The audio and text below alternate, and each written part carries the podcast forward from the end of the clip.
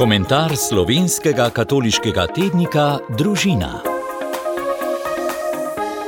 V današnjem komentarju v tedniku Družina se Sebastian Valentan sprašuje: Je sinoda moja priložnost? Kaj naj povem, res lahko tudi mi sodelujemo?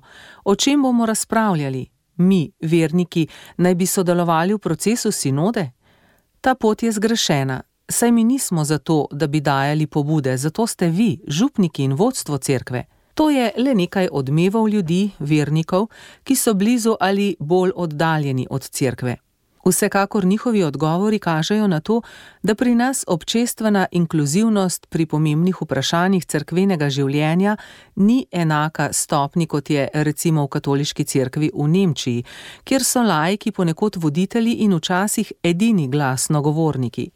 In zato je sinodalna pot prilagojena vsakemu narodu, državi, celini, ni in ne sme biti uniformirana, pač pa se prav v njeni različnosti zrcali vesoljna crkva.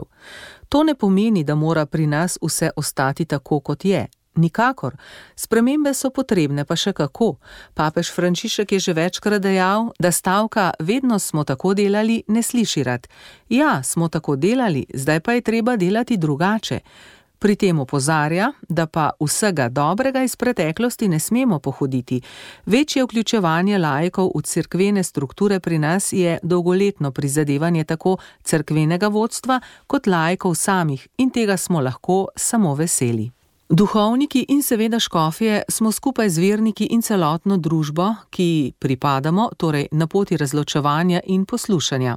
Prav slednje poslušanje je prvi korak, za kar je treba brez predsotkov odpreti um in srce, kot pravi pripravljalni dokument za sinodalno crkev. To fazo smo na župnijski ravni verjetno že dali skozi ali jo v sinodalnem duhu še živimo.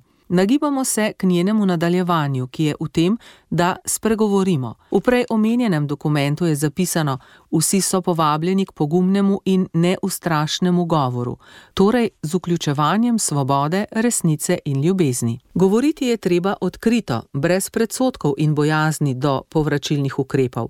Šele ko je človek svoboden, ko nad seboj ne čuti nobenega človeškega cenzorja, bo spregovoril in povedal to, kar misli. V naši župniji smo ljudem, ki bodo sodelovali v sinodalnih pogovorih, v največji meri omogočili, da o cerkvi spregovorijo svobodno. Odločili smo se, da bodo ti pogovori potekali brez navzočnosti voditelja župnije. Resnično si želimo, da se zgodi proces spreobrnjenja, da bi laiki, ki bodo v prihodnje prevzemali vedno več odgovornosti v župnijah in drugih crkvenih strukturah, skupaj s svojimi duhovniki pokazali smer, kamor bomo hodili skupaj. Cilj te skupne poti bo zagotovo Jezus Kristus, a smeri bodo različne. In hvala Bogu, da ne bodo enake, enolične, enosmerne. Velik korak nazaj bi bil, če bi neki škof za svojo škofijo želel smer, ki si jo je sam zamislil, ne da bi pustil svobodo mišljenja in govorjenja.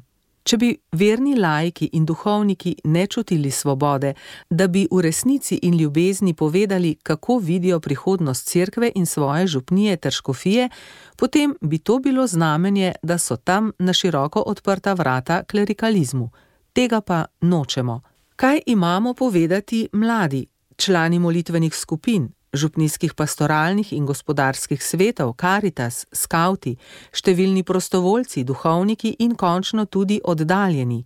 Mislim, da veliko, vsi ti in še mnogi drugi že živimo sinodalnost, ta posebni slog, ki je, kot pravi priročnik, ki spremlja pripravljalni dokument sinode, značilen za življenje in poslanstvo cerkve, saj izraža njeno naravo božjega ljudstva, ki hodi skupaj in se zbira v občestvu na povabilu Gospoda Jezusa v moči svetega duha, da bi oznanjalo evangelij.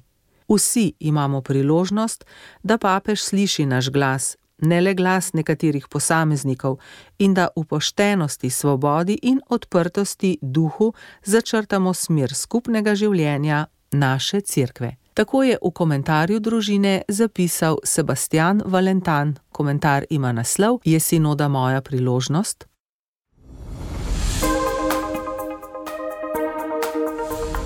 Komentar slovenskega katoliškega tednika Družina.